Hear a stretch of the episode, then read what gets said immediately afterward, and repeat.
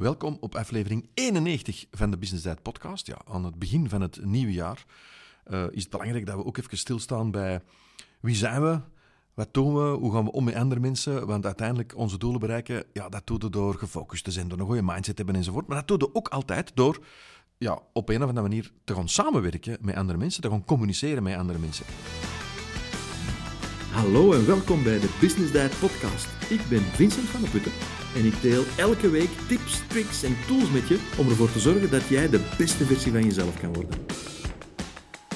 Weet, uh, ik, ben uh, een, een fervente rallyrijder uh, en ik wou daar wat ervaringen over delen. Door omstandigheden heb ik de rally van Yper niet met Amy kunnen rijden vorig jaar. Want Amy, haar kater Billy, die was heel ziek enzovoort.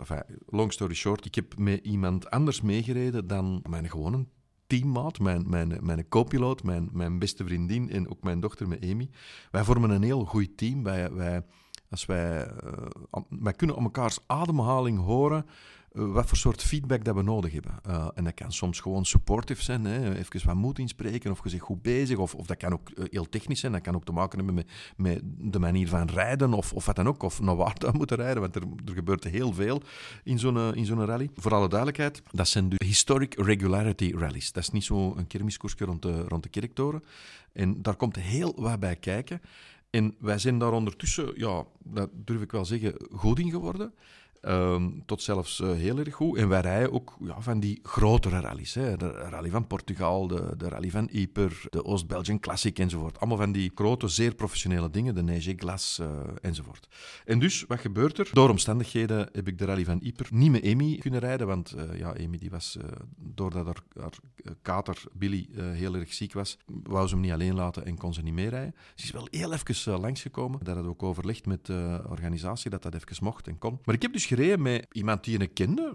Ik zou zeggen een rallyvriend, maar wie, met wie dat ik nog nooit had gereden. En ik heb toen uh, beseft hoe goed dat wij, Amy en ik, op elkaar zijn afges afgestemd. Uh, hoe goed dat wij ja, maar, maar niet een half woord nodig hebben, maar bij wijze van spreken een manier van ademhalen, wat dat dan versterkt wordt in de koptelefoons, in de helm en zo, dan hoorde, dan hoorde heel goed die ademhaling van de andere boven het geluid van de wagen. Hoe, hoe goed dat wij op elkaar zijn afgestemd. Gewoon de manier waarop dat wij ademen, weten wij wat dat we nodig hebben van elkaar. En dat is, dat is heel uniek, dat is heel, uh, dat is heel bijzonder. En natuurlijk, als ik dan met een nieuwe co-piloot zat, met Patrick Lien in uh, de rally van Yper, dan had ik dat niet. Hij is ook één van de beste co-piloten. Ik zeg dat trouwens niet om één van de beste omdat, omdat Amy mijn dochter is, maar Amy is in haar discipline een van de allerbeste in België. Patrick ook. Patrick is trouwens Europees kampioen geweest in die discipline. En is iemand met ongelooflijk veel ervaring. Een hele emabele mens. Bijvoorbeeld ook een hele grote mens. Uh, twee koppen groter dan ik, uh, denk ik. Of het zal niet veel schillen. Dus we hebben de auto ook een stukje moeten verbouwen. Hè. Dus de, de, cockpit waar dan al de apparatuur staat, de voetpedalen voor hem, de switches en al die dingen hebben we echt letterlijk moeten verbouwen. Omdat anders paste hem er niet in, zeker niet met zijn helm. Enzovoort. Dus dat was een hele aanpassing. Technisch was dat een aanpassing. Maar dat was ook een aanpassing omdat dat dan iemand anders was. Plus, omdat hij dus al de rally van Monte Carlo een paar keer heeft gereden en gewonnen enzovoort. En dus Europees kampioen, you name it. Was dat voor mij toch ook wel een stukje buiten mijn comfortzone. Ik heb er in de vorige podcast ook over gesproken, hè, buiten uw comfortzone. Maar dat was zo'n beetje van die keek op mijn vingers. Nu, de rally van Yper, dat was eind november vorig jaar, die begint met een avond-nacht-etappe. En dat begon dit jaar direct heel erg pittig, met een heel serieuze etappe. Met, technisch gezien, kan de details besparen, maar met een flying start, waardoor dat wij onze apparatuur op een heel andere manier moeten inschakelen bij de start. Je moet daar uh, alles geven, je moet daar juist rijden in een donkere, er stopt publiek bij, er zijn mensen die foto's nemen, dus die flesjes die komen in je ogen, je wordt dan even verblind, of eigenlijk niet meer, want dat kan niet enzovoort. Enfin, rijden, rijden, rijden. En wij zien dat wij eigenlijk constant 7 seconden te traag aan het zijn. Nu, 7 seconden op 100 meter, mensen die er een beetje van kennen, die weten dat is, ja, dat is ongeveer 50 km per uur. En dus wij zitten er ja, in, in, in het jargon, we zitten er 7 meter naast, of uh, 7 seconden naast, of 100 meter naast. Dus er klopte echt iets niet. Met die flying start was er iets verkeerd gebeurd. Nu, ja, hij is echt een van de aller, aller, allerbeste in België en, en zelfs in Europa. En dus wij doen die eerste speciale etappe en ja, wij hadden toch wel een mooie ambitie om in de Rally van Yper op het podium te eindigen. En Lab, omdat er dus een vijftiental meetpunten waren in die eerste speciale etappe met dat publiek bij, in een donkere, heel erg spannend, heel erg indrukwekkend enzovoort. Hey, aan de start, brandweerwagen, ambulance, allez, you name it, je kunt het je wel voorstellen. En wij, wij halen daar 250 strafpunten in die eerste speciale etappe. Dus ja, Lab. Ja, podium, no way onmogelijk dat wij het podium nog kunnen halen. Grote teleurstelling. Wat heb ik verkeerd gedaan? Heb ik, ik, ik, ik kan, dat kan niet dat ik zoveel te traag heb gereden, want ik, ik, ik kan rap rijden met die auto. En dus, ja, oké, iets dat niet klopt. Maar ja, voordat je het weet, hup, die volgende speciale etappe die is er. Maar goed, dus eigenlijk wordt de grond onder je voeten weggehaald in die eerste speciale etappe. Alle hoop op een echt een spectaculair resultaat is weg. Ja, even in zakje nas, maar ja, met Amy, wij hebben dan wat we noemen recovery time. We gaan dan in recovery. Dat is, dat is op, op een paar seconden dat wij heel snel van teleurstelling naar come on, we can do this, en wij doen dat samen. Dat is ook iets dat wij horen aan elkaar, en wij noemen dat letterlijk recovery time. En dat is echt op een paar seconden van deception, van teleurstelling, van in zakje nas zitten naar come on, wij kunnen deze, en dan, dan gaan we ervoor. Maar natuurlijk, met Patrick had ik dat niet. Want we hebben nog nooit over recovery time gesproken. Dus we kennen elkaar dan niet goed, een beetje voorzichtig. Enfin, uiteindelijk komt het erop neer, of blijkt, dat de instelling van het apparaat dat in mijn auto staat, dat dat hetzelfde apparaat is dat Patrick normaal gebruikt, maar dat er een instelling anders was. Dat we hadden moeten checken, dat hij had moeten checken of ik of samen. Ik zoek geen schuldige, dat, dat, daar gaat het ook niet over. Maar dat dus die instelling fout was, waardoor dat we elke keer die 100 meter hadden. En dat, dat klonk ook heel logisch en dat was ook zo. Waarom vertel ik deze nu? Omdat in de mindset was het enorm belangrijk om elkaar heel snel te vinden omdat niet ons, of dat, die eerste etappe, ons niet naar beneden te laten trekken. En ik heb er toen eigenlijk, eh, ik heb toen zoiets gehad van, come on, eh, Patrick, we kunnen deze, we gaan deze doen, enzovoort. En hij had dat ook. En de reden dat hij dat ook had, is terug te vinden in DISC. Ja, je bent misschien bekend met van die persoonlijkheidstesten, zoals Myers-Briggs, MBTI en DISC enzovoort. En ik grijp heel snel en gemakkelijk terug naar, naar DISC. Je zult dat misschien al wel gehoord hebben, dat mensen zeggen, ja, die is rood of die is geel. Ik hou niet van die kleuren, om de heel eenvoudige reden. Als je DISC Insights bijvoorbeeld googelt, wat ik u trouwens uitnodig om te doen, en dan ga je die cirkel vinden met die vier, ja, dat is een soort taart met vier grote stukken in.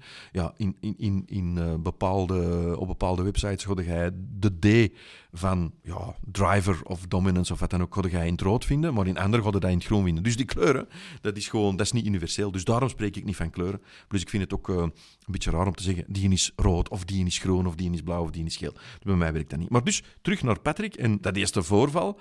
Patrick is, zoals ik, heel resultaatgericht. Hij is ook ambitieus, zoals ik. En dus, ja, dat is iemand die in het gewend is om het podium te eindigen. En met die 249 punten waren het, denk ik, ja, eh, was er natuurlijk geen podium meer te halen. En dan hebben wij gewoon gezegd, oké, wat gaan we doen? Wel, we gaan gewoon laten zien dat we het kunnen. En we gaan elke speciale etappe zo goed mogelijk rijden. Dus dat was eigenlijk onze recovery. Niet zo snel als dat, dat ik het met Amy doe. En ook niet zo uitgebreid. Maar wel, oké, resultaatgericht. Dat is het nieuwe resultaat. Dat is de nieuwe doelstelling die we ons stellen. En ik ben toen eigenlijk direct beginnen terugdenken aan DISC. Oké, dus Patrick is resultaatgericht, competitief, ook enthousiast en, en, en, ja, en, en ook uh, ja, gedreven en, en overtuigend. Dus Patrick, zijn overwegende karaktereigenschap, die zit in, als je naar DISC kijkt, uh, bij de D en bij de I. Dus wat dat ze noemen driver en, en influence. Dat is eigenlijk heel belangrijk om dat op die moment te beseffen. En dat ligt heel dicht bij mijn overwegende karaktertrekken, zal ik maar zeggen. Om een voorbeeld te geven, wij zijn uiteindelijk ja, ik, vind, ik vind het ongelooflijk hoe dat gedaan hebben. Dus, dat, dan zat, dus die vrijdagavond nog een aantal speciale etappes. Echt allemaal goed gereden. Die zaterdag ik weet niet hoe gereden. In de namiddag is Amy dan even ingestapt. Daar hebben we dan nog een scratch mee gereden. Een scratch dat wil zeggen dat je in die speciale etappe de eerste plaats haalt. Dat was ongelooflijk, want allee, bedoel, zij zat niet in de rally. Ze zat met haar hoofd bij, bij Billy Arakater, die ziek was. Die komt er even in met toestemming van de organisatie. En boom, uh, wij rijden een speciale etappe een tweede plaats en een speciale etappe een scratch. Dus dat was wel ongelooflijk. Dus wij rijden eigenlijk, en dan neemt Patrick het terug over, hè, ook uh, zaterdagavond en dan heel de, uh, de zondag tot denk ik een uur of drie dat we gereden, ik weet het niet meer van buiten, hebben wij echt ongelooflijk goed gereden. En wij zijn, houd u vast, uiteindelijk eerste in onze categorie geëindigd nog. En we zijn zesde overal geëindigd. Niet zo goed als dat we hadden gehoopt. Niet, niet waar dat onze ambitie lag. Maar wij hebben na die eerste slechte speciale etappe... hebben wij echt alles gereden. Gelijk, ja, gouden zal ik maar zeggen. Om het een beetje op zijn Antwerps te zeggen. En dat had te maken met die switch van... Oké, dat doel dat gaan we niet meer kunnen halen. We gaan dan nu een ander doel stellen en we gaan daar aan werken. En alles wat ik ken, daarop toegepast. En op de communicatie met Patrick enzovoort. Een voorbeeld was, ik meen dat het uh, zaterdag was, nee, het was zondag, pardon, zijn wij aan het rijden in een speciale etappe. Ik denk dat die zeven kilometer duurde. En op een bepaald moment zegt hij tegen mij, ja, het is naar daar, naar daar, versnellen, vertragen, want het is allemaal heel erg secuur dat dat moet gebeuren. Je rijdt dus echt op, op, de, allez, op een tiende van een seconde moeten juist rijden om het echt goed te doen. Je moet op de meter juist rijden, et. En je moet dan ook nog rap rijden, dus dat is een, een redelijk ingewikkelde combinatie. En op een bepaald moment geeft hij mij bepaalde instructies en ik zeg, Patrick, ik heb een lekkenband. Rechter voorwiel, lekkenband. Nu, normaal gezien, lekkenband in zo'n speciale etappe, ja, kun het schudden. Ja, dat is uw helm aan de kapstok hangen, letterlijk en figuurlijk. Dus dan is het afgelopen. En ik kijk naar Patrick en ik zeg, lekkenband, wat doe ik? En hij zegt tegen mij, als jij denkt dat we kunnen rijden, dat we dit nog kunnen uitrijden, dat was nog, denk ik, een vijftal kilometer, ja, gewoon doen, dan gaan we ervoor. Wij hebben dat gedaan. Wij hebben dus, ja, op drie gooibanden en één volledig lekkenband gereden, op de velg, voor een stuk op de velg. Ja, die auto schoof natuurlijk van links naar rechts en, en eh, ja, die baanligging die was natuurlijk helemaal zoek. Maar we zijn uiteindelijk in die RT toch maar, RT noemt dat die speciaal, hè, zijn we uiteindelijk maar vijf seconden te traag binnengekomen, alleen aan de eindstreep gekomen, wat dus ja, heel erg goed is. Hebben wij direct met z'n tweeën in de regen, in de sneeuwregen, in de kou, in de, in de, ja, allez, shit, nu overkomt ons deze en we moeten ons dan haasten om naar de volgende etappe te gaan, hebben wij dat wiel dus vervangen. Die krik ging dan kapot. Allee, alles en nog wat uh, zat ons tegen. Uiteindelijk dat wiel er terug opgekregen. Allee, een ander wiel, hè, het reservewiel erop gezet. Uh, die krik daar laten liggen. Die kapotte band met die kapotte velg in de koffer gegooid. Koffer dicht, hup, terug ingestapt, gegespt. Helm of koptelefoon aan en, en, en rijden. En ik vond dat sprekend voor dat stuk van het diskverhaal, dus de D en de I, waar dat je enorm gericht bent op resultaat, waar dat je enorm gericht bent op energie, waar dat je gericht bent ja, op die competitiviteit. Iemand die, en dat is geen beoordeling van goed of slecht, maar ik heb uh, twee weken later een andere rally nog altijd met een andere co-piloot gereden en ik kon daar het vergelijk maken. Een heel ander soort karakter, een heel andere persoonlijkheid ook. En, dat had ook helemaal anders verlopen op die moment. Ik kan, ik kan ze beet uh, vertellen waarom dat ik het zo zeg. Dus uiteindelijk waren wij goed en dat komt allemaal goed. Omdat wij dus, zowel Patrick als ik, op die moment dat eindresultaat voor ogen hebben. Zo goed mogelijk die speciaal rijden, zo goed mogelijk alle speciaals rijden. In één stuk aankomen, zal ik zeggen, op het podium van de finish. Alleen zo'n soort uh, ja, een taluur dat je dat moet oprijden, dat dan de microfoon onder uw neus wordt gestoken, nog ging enzovoort. Dus daar wouden wij, dat was onze visie, daar wouden we eindigen. Goed. Fantastische ervaring trouwens Patrick. Ongelooflijke gast, veel van geleerd. Heel leuk ook en uh, heel trots op het eindresultaat. Twee weken later rijd ik de Oost-Belgian Classic. Of uh, was het een week later? Ik weet het niet meer. En nog altijd niet met Amy, maar met een andere co-piloot. Die niet in disk die D of die I heeft, maar die veel meer de C en de S heeft. En de C en de S, dat is meer, uh, ik zal het in het Engels zeggen, omdat ik die, die termen veel beter uh, de, de, de lading vind dekken. De C staat voor cautious, dat zijn mensen die heel analytisch denken, die gericht zijn op, op details, die gericht zijn op het proces, op het systeem. En de S staat dan voor stabilizing, dat zijn heel vriendelijke mensen, die, die vooral bijvoorbeeld, ja, als er een beslissing moet genomen worden, die niet zelf die beslissing nemen. Een driver die zegt, dat, dat is de beslissing die moeten nemen om daar te geraken. Maar iemand die vooral in die is zit, daar een hoge score haalt, die gaat vooral kijken naar wat vinden de andere mensen. Dat is meer een, een, een soort democratisch proces. Dat zijn mensen die geduldiger zijn, enzovoort. Ik zeg dit niet in de context van de ene is beter dan de andere. Want om de oorlog te winnen, heb je van alles iemand nodig. Van alle vier karaktereigenschappen. En trouwens, niemand is alleen maar één karaktereigenschap, is alleen maar één stuk van die taart. Dus als je gaat zoeken naar disk op Google uh, en je vindt een, een, site waar je wat uitleg kunt vinden, dan ga die, die verschillen vinden. Dus ik reed dan die een Oost-Belgian Classic, het was een week nadien, met Jean-François. En Jean-François is dus iemand die die in de C en in de S hoog scoort en minder in de D en de I. Ik heb dat eigenlijk direct gemerkt. Ik vroeg aan de mensen, ja, uh, die kende die, ik had die nog nooit niet gezien. Uh, ja, wat, wat, voor iemand is dat? Oh, dat is een hele vriendelijke mens. En dat is ook een hele vriendelijke mens. Een hele aimabele, vriendelijke mens. Die je dus de, de, het menselijk aspect eigenlijk belangrijker vindt dan het resultaat. Ja, en ik ben dan iemand die op het moment dat er een competitie gaande is, ik moet mezelf leren en mezelf corrigeren om ook dat menselijk aspect er nog bij te houden. Dus ik ben zodanig gedreven op het resultaat dat ik dan eigenlijk heel, heel brut kan overkomen. En ik bedoel dat zo niet, maar ja, dat is gewoon die idee die het dan bij mij overneemt. Dus ik ben dan veel minder mensgericht. En hij is heel erg mensgericht. Eh, hij is ook proces- en systeemgericht. Hij volgt de regels. En bij mij is het einddoel is datgene wat telt. En dan ook die ambitie die erbij komt. Bij hem is die ambitie ander, anders. Bij hem is die ambitie van, we gaan gewoon gezellig, leuk uh, die rally rijden samen. En dus op een bepaald moment, uh, we hebben dus een roadbook. En die roadbook die wordt gemaakt door de organisatie. De organisatie spreekt af, dat speciaal traject, spreekt af met de burgemeesters van de verschillende dorpen en gemeenten waar je doorkomt, dat er op een bepaald moment een stuk van de rally, van het traject van de rally, mag lopen door een straat die enkel toegankelijk is voor plaatselijk verkeer, dus verboden voor doorgaand verkeer. Maar in het roodboek stond expliciet dat wij op die plek mochten doorrijden. En wat gebeurt er?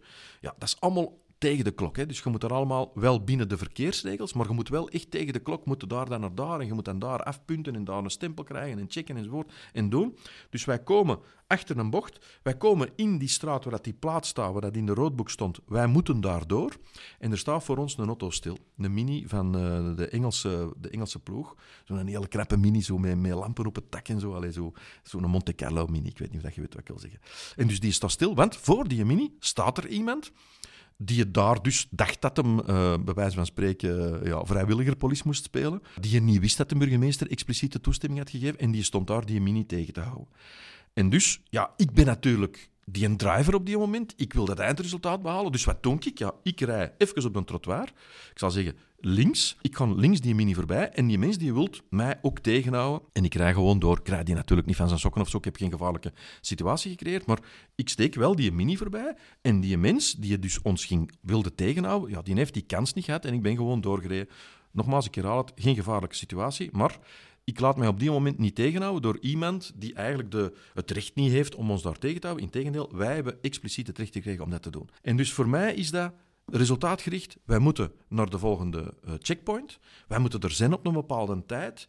Ik ben dan op die moment, op die moment niet mensgericht. Dat kan ook een zwakte zijn, hè, trouwens. Maar dat, dat is wie dat ik op die moment ben. Terwijl dat Jean-François op die moment zoiets heeft van, jongen, oei, dan steken wij die Engelsen voorbij. En oei, uh, mag dat? En, kan dat wel? En allee, dat is toch niet tof? En, allee, hij zei dat allemaal niet, maar ik hoorde hem dat bij wijze van spreken denken. Ik, uiteraard hoorde ik hem dat niet denken, maar we hebben het er achteraf ook over gehad. En dus, ik besefte op die moment, dat is een heel andere karaktereigenschap dat hij heeft dan dat ik heb op die moment. Ik geloof trouwens op die moment dat ik, ik zou het morgen opnieuw doen en overmorgen nog eens, want ik geloof dat dat op die moment de juiste beslissing was. En als ik op die moment puur people-oriented bent, ja, dan gaat dat niet. Dan gaat het die rally nooit niet kunnen winnen. Dan gaat het nooit niet op het podium eindigen of in de buurt van het podium. En dus, ik geef dat even aan om mee te geven dat de karaktereigenschappen van de mensen de beslissingen van de mensen en het beslissingsproces enorm beïnvloeden. En uiteindelijk heb ik daar een soort ja, een leermoment voor mezelf van gemaakt. Om ook mijn eigen, hoe zou ik zeggen, tekortkomingen, mijn eigen zwakheden, mijn eigen misschien overdreven wil om dan toch maar daar te geraken enzovoort, om dat misschien ook wat, wat opzij te zetten. Om, ook ruimte te geven aan iemand gelijk Jean-François. Want uiteindelijk, als jij de vier stukken van de taart, de D, de I, de S en de C, bij elkaar kunt pakken in een team, ja, dan kun je enorm knappe dingen bereiken. Alleen, als je alleen D's hebt, of alleen I's, of alleen S's, of alleen C's, dan gebeurt er niet veel. Dan ga je eigenlijk niet je doelen kunnen bereiken als een team. Maar ik denk dat het eigenlijk begint bij, en dat is eigenlijk waarom dat ik het allemaal vertel, het begint bij het beseffen hoe dat jij in elkaar zit. Wat is op zo'n moment uw natuurlijke reflex, uw natuurlijke reactie? Wat houdt dat in? En wat zijn daar de positieve kanten van, maar wat zijn daar dan ook de tekortkomingen of de zwakke punten van? En ook goed beseffen wie zit er naast u. Allee, bij mij dan in de auto, wie zit er naast mij, maar wie zit er in uw team? En hoe denken die mensen? En waarom werkt dat dan niet als ik dan zeg, zo moeten we het doen, terwijl het een ander eigenlijk ja, op een heel andere manier dat bekijkt. Ik zal een voorbeeld geven. Wij zijn bezig met een nieuw project. En er moet een naam gegeven worden aan dat project. En we zijn daarmee bezig en die naam is natuurlijk belangrijk, want je moet dan weten, ja, zijn er nog domeinnamen beschikbaar? En dat is tegenwoordig al niet zo simpel. En we moeten dan ook kijken naar een logo en toestanden enzovoort. En dus, ik had gevraagd aan iemand in het team, onze productieverantwoordelijke, om samen met haar team eens te kijken naar een aantal namen, een shortlist. En we zouden dan, zij en ik, zouden dan een keuze maken. Maar wat gebeurt er nu? Om de een of andere reden uh, komt dat altijd in onze algemene mailbox en wordt dat zo als een soort democratisch proces voorgelegd aan iedereen. Nu, ik ben dus die een D, die een driver, gericht op resultaat. Ik wil snel die naam weten, want dan hebben we snel die naam, dan kunnen we snel die domeinnaam reserveren, dan kunnen we snel dat project live zetten enzovoort enzovoort. En onze productieverantwoordelijke, die bekijkt dat meer als een democratisch proces.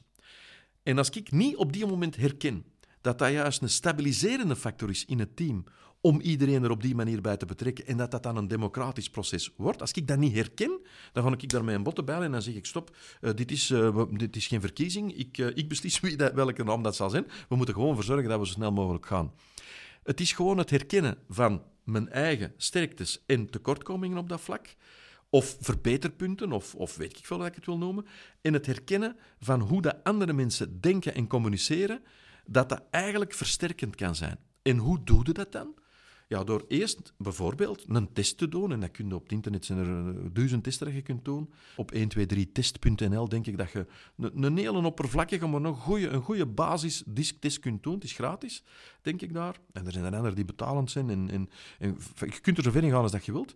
Maar dan gebruik dan die een test om ook te leren over uzelf, maar dan ook om eens na te denken, de mensen in uw team, misschien ook de mensen in uw familie, uw vrienden, Nogmaals, niet in de context van wie is goed en wie is niet goed, want zo werkt het niet. Iedereen is goed, maar gewoon te begrijpen waarom communiceert die persoon in mijn team op die manier en communiceer ik en stoort mij dat bijvoorbeeld of gaat dat voor mij te traag of te snel of wat dan ook. En, en dat te begrijpen van uzelf en te begrijpen van iemand anders, dan is het uw rol om de, de overlap te vinden en om de complementariteit te vinden, de kracht te vinden van dat samen te brengen. Dus ik nodig u uit, dit is eigenlijk een soort reclame eigenlijk voor, voor disctisten, hè? ja, ik kan het nou niet anders zeggen, om goed te beseffen dat uw manier van denken en uw manier van communiceren, dat die ergens vandaan komt en dat je die kunt categoriseren. En nogmaals, er is geen goed of slecht. En ook nogmaals, heel belangrijk, niemand is alleen D. Niemand is alleen een I of een S of een C. Je zit altijd een beetje van alles en nog wat. Maar onder zeer grote druk, zoals dat zo'n rally bijvoorbeeld is, dan komt er één bepaalde, ja, één bepaalde stuk taart komt dan toch wel meer naar boven dan een ander. En het is dat herkennen bij jezelf en bij uw mensen dat u enorm veel extra hefboom kan geven, extra leverage kan geven. Trouwens, even over die uh, Oost-Belgian Classic. Ook daar hebben wij vrijdagavond een stomme tijd gedaan. En ik was, toen ik met Amy over bezig was, een soort debriefing van de rallies, begon ik te bedenken zij en ik, wij hebben ooit de Hyper gereden, waar wij ook de vrijdagavond een fout hebben gemaakt. En dan zijn wij heel goed in nadien te tonen hoe goed dat wij al die speciale etappes kunnen doen. En dan komen wij toch nog, dan eindigen wij toch nog heel erg goed. Als we die fout niet zouden gemaakt hebben, dan zouden we gewoon doffies op het podium eindigen. Met Patrick Lien in uh, dit jaar, of ja, vorig jaar, ik weet niet wanneer je geluisterd, 2022, ook die vrijdagavond 249 punten en toch nog eerste in onze categorie geëindigd, omdat we alles daarna heel goed hebben gedaan. Met Jean-François ook de vrijdagavond een stomme tijd gedaan. Ik weet zelfs niet meer wat het was. Het zou best kunnen dat ik de tijd gedaan. Het is ook niet belangrijk, het is ook geen schuldige. Zo, zo, zit ik niet in elkaar.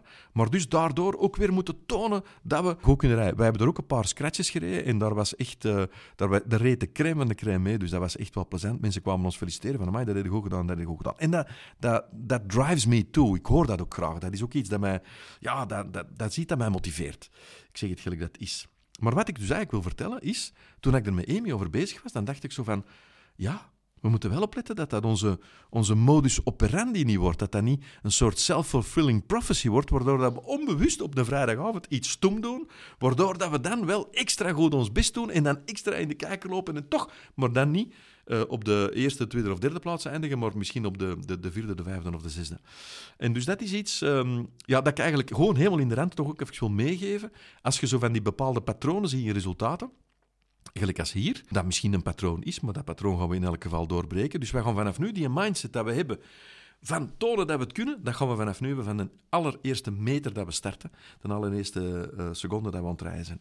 Wou ik even meegeven. Goed, in elk geval, ik hoop dat je dit aan het gaat, ik weet het niet. Ook als je geen rally rijdt en geen fans bent, hoop ik dat je er toch iets aan hebt. Ik nodig je uit om die een disctest te, te doen voor jezelf. Je kunt er zo uitgebreid of zo simpel in, in gaan als dat je wilt. Ik zou zeggen, begin met gewoon de, de basics en lees, lees daar eens wat over. Wat betekenen die vier letters? En ik nodig je uit, blijf weg van die kleuren, want die kleur dat is alleen maar verwarrend. Plus, ja, dat is helemaal een label op iemand klap, eh, kleven. Hè? Van ja, dat is een blauwe en dat is een gele. Ja, hallo, zo werkt het niet natuurlijk. Hè? Dit was aflevering 91. Eh, Ik wens u een fantastische toekomst. Ja, dus dit was aflevering 91, zoals ik zei. En uh, ja, misschien denkt je van, goh, ik wil toch wel eens uh, ja, herlezen wat dat er nu allemaal vertelde over disk en waar was dat allemaal juist en zo. Ah, je weet dus, of je weet het niet, maar dan ga ik het nu vertellen. Dat van elke podcast is er een blogartikel. Hè. Ja, we schrijven dan eigenlijk uit in een soort korte inhoud. Enfin, ik doe dat niet, maar het, team doet dat dan, waarvoor ik heel dankbaar ben. In een korte inhoud wat dat er allemaal is gezegd, wat de belangrijkste dingen die zijn gezegd in de podcast. En dus, waar vinden dat dan? Dit was aflevering 91 en in de logica der dingen kunnen dat dan terugvinden, dat artikel, op www.businessdiet.be slash 91. En zoals altijd bedoel ik dan het getal 91. De podcast, bijna alle podcasts staan ook op YouTube. Je kunt naar het YouTube-kanaal gaan, kun je er ook abonneren. Als je niet alleen eens wilt horen wat ik zeg, maar ook eens wil zien uh, hoe dat ik iets vertel, dan kun je dat doen op YouTube en dan ga je gewoon naar het uh, Business Diet kanaal. Als je zegt van, goh, ik, wil, ik vind het eigenlijk wel leuk, uh, die, die, die podcasts, ik wil er wel meer van luisteren en ik wil ook genotificeerd worden wanneer dat er een is, wel, dan kun je je abonneren op Apple Podcast of op Spotify en dan krijg je automatisch een notificatie van een nieuwe podcast die eruit komt en waar het over gaat, enzovoort. Krijg een soort persoonlijke uitnodiging. Het is niet dat we u uh, uh, van de ene mail in de andere gaan toesturen, absoluut niet. Maar als er een nieuwe podcast komt, krijg je even een kleine verwittiging, uh, een mailtje, allez, een notificatie moet ik zeggen. Hè.